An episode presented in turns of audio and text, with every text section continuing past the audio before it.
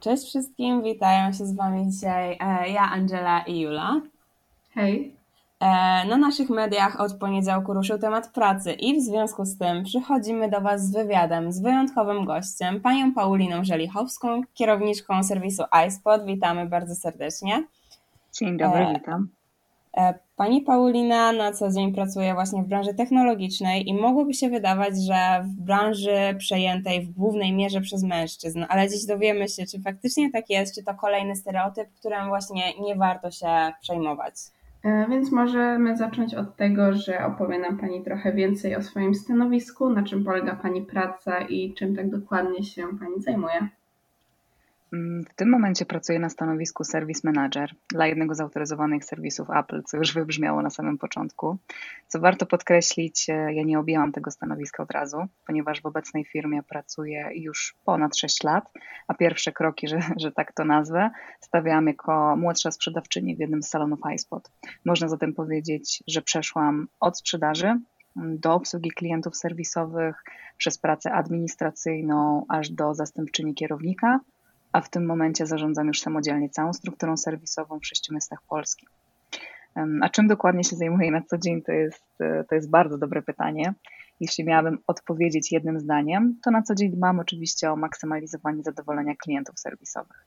Rozbijając to trochę na części pierwsze, weryfikuję wskaźniki ilościowe i jakościowe, buduję nowe procesy dla klientów indywidualnych i biznesowych, aby cały ten proces serwisowy był dla nich jak najbardziej zadowalający Dbam oczywiście o finanse całej struktury serwisowej, rozważam nowe możliwości rozwoju w perspektywie i krótkoterminowej, i długoterminowej. Gdybym miała to wszystko jakoś e, podsumować, to powiedziałabym, że każdy dzień w mojej branży jest wyzwaniem. Nigdy nie wiem, jak dokładnie będzie wyglądał mój dzień pracy i to podoba mi się w niej najbardziej.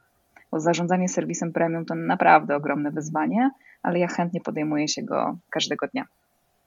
No, brzmi imponująco. A e, jeśli chodzi o studia, bo doszły na słuchy, że studiowała Pani dziennikarstwo, więc co skłoniło Panią do tak diametralnej decyzji i pójścia właśnie w zupełnie innym kierunku? Czy wcześniej miała Pani jakąś inną wizję swojej kariery zawodowej? Um, czy miałam inną wizję? Jasne, myślę, że nie tylko ja. Um, od zawsze kochałam fotografię, więc e, zamiast liceum wybrałam technikum fotograficzne. Znowuż po technikum zdecydowałam się na studia graficzne, które mówiąc wprost rzuciłam po roku, bo tak naprawdę zawsze z tyłu głowy miałam, miałam dziennikarstwo. Był taki moment, kiedy kompletnie nie wiedziałam, w jakim kierunku chciałabym pójść zawodowo i chciałabym, żeby tutaj to też wybrzmiało, szczególnie dla osób, które znajdują się na przykład w takim punkcie życia, że to jest całkowicie ok.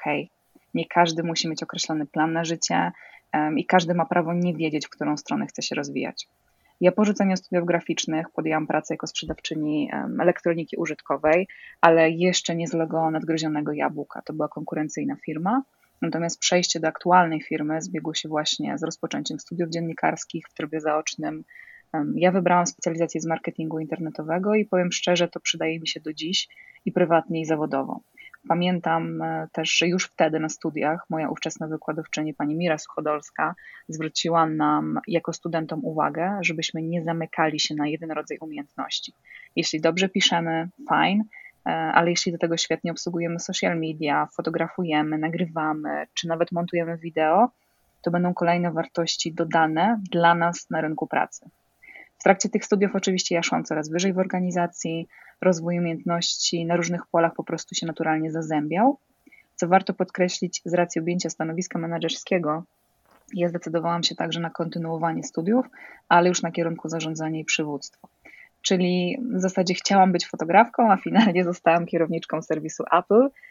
I czy żałowałam lub teraz żałuję? Nigdy, ani nawet, nawet przez jeden dzień. Mhm. A czy na przykład ze względu na płeć miała Pani jakieś trudności z objęciem swojej posady?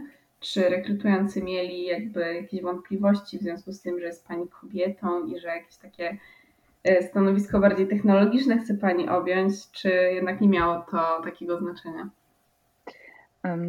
Ja zdaję sobie sprawę z tego, że mamy no, nierówności na rynku pracy, mamy lukę płacową, mamy podwójne standardy, ale chciałabym, żeby jasno to wybrzmiało, że w obecnej firmie nigdy tego nie doświadczyłam. Być może Być może to jest po prostu jakieś moje szczęście zawodowe, e, że nigdy nas, jakby na swojej, w swojej karierze zawodowej nigdy się z tym nie spotkałam. Nikt też nigdy nie zwraca uwagi na moją płeć czy wygląd, które umówmy się były kiedyś nieco niestandardowe. Zawsze liczyło się wyłącznie moje kompetencje. No i nadal się liczą. Większe niezrozumienie, jeśli w ogóle tak to mogę ująć, odczuwałam ze strony niektórych klientów, mm, którzy nie wierzyli, że jestem specjalistką w swojej dziedzinie i czasami woleli porozmawiać z moimi kolegami niż ze mną. Dziś jestem już z tym całkowicie ok, tłumacząc sobie to w ten sposób, że każdy ma prawo prowadzić dialog z wybranym przez siebie pracownikiem danego punktu, nie wnikając w kryteria wyboru. Nie przywiązuję już do tego wagi, czy ktoś nie chciał wybrać mnie jako rozmówcy ze względu na płeć. Być może miał kryteria, które są po prostu mi nieznane. Mhm. A na pierwszy rzut oka wydaje się Pani, że też w pracy ma wokół siebie w większości mężczyzn. Czy tak faktycznie jest? Um, tak, tak jest, oczywiście. Natomiast w momencie, kiedy dołączyłam do serwisu, oprócz mnie pracowała w nim jedna kobieta. W tym momencie kobiety stanowią 20% całej struktury serwisowej. Mam cichą nadzieję oczywiście, że ten udział kobiet w moim serwisie będzie stale wzrastał. Z mojej perspektywy nie ma żadnej różnicy płci. Mam na pokładzie samych specjalistów i same specjalistki w swoim fachu. Zarówno pod względem technicznym, jak i administracyjnym, delegowanie zadań również nie ma płci. Ja nikogo nie wykluczam, buduję relacje z każdym, kto pracuje w moim serwisie i zawsze oceniam um, ich przez pryzmat wykonanej pracy i swojej postawy, nigdy nie zwracając uwagi na fakt, czy rozmawiam z kobietą, czy z mężczyzną.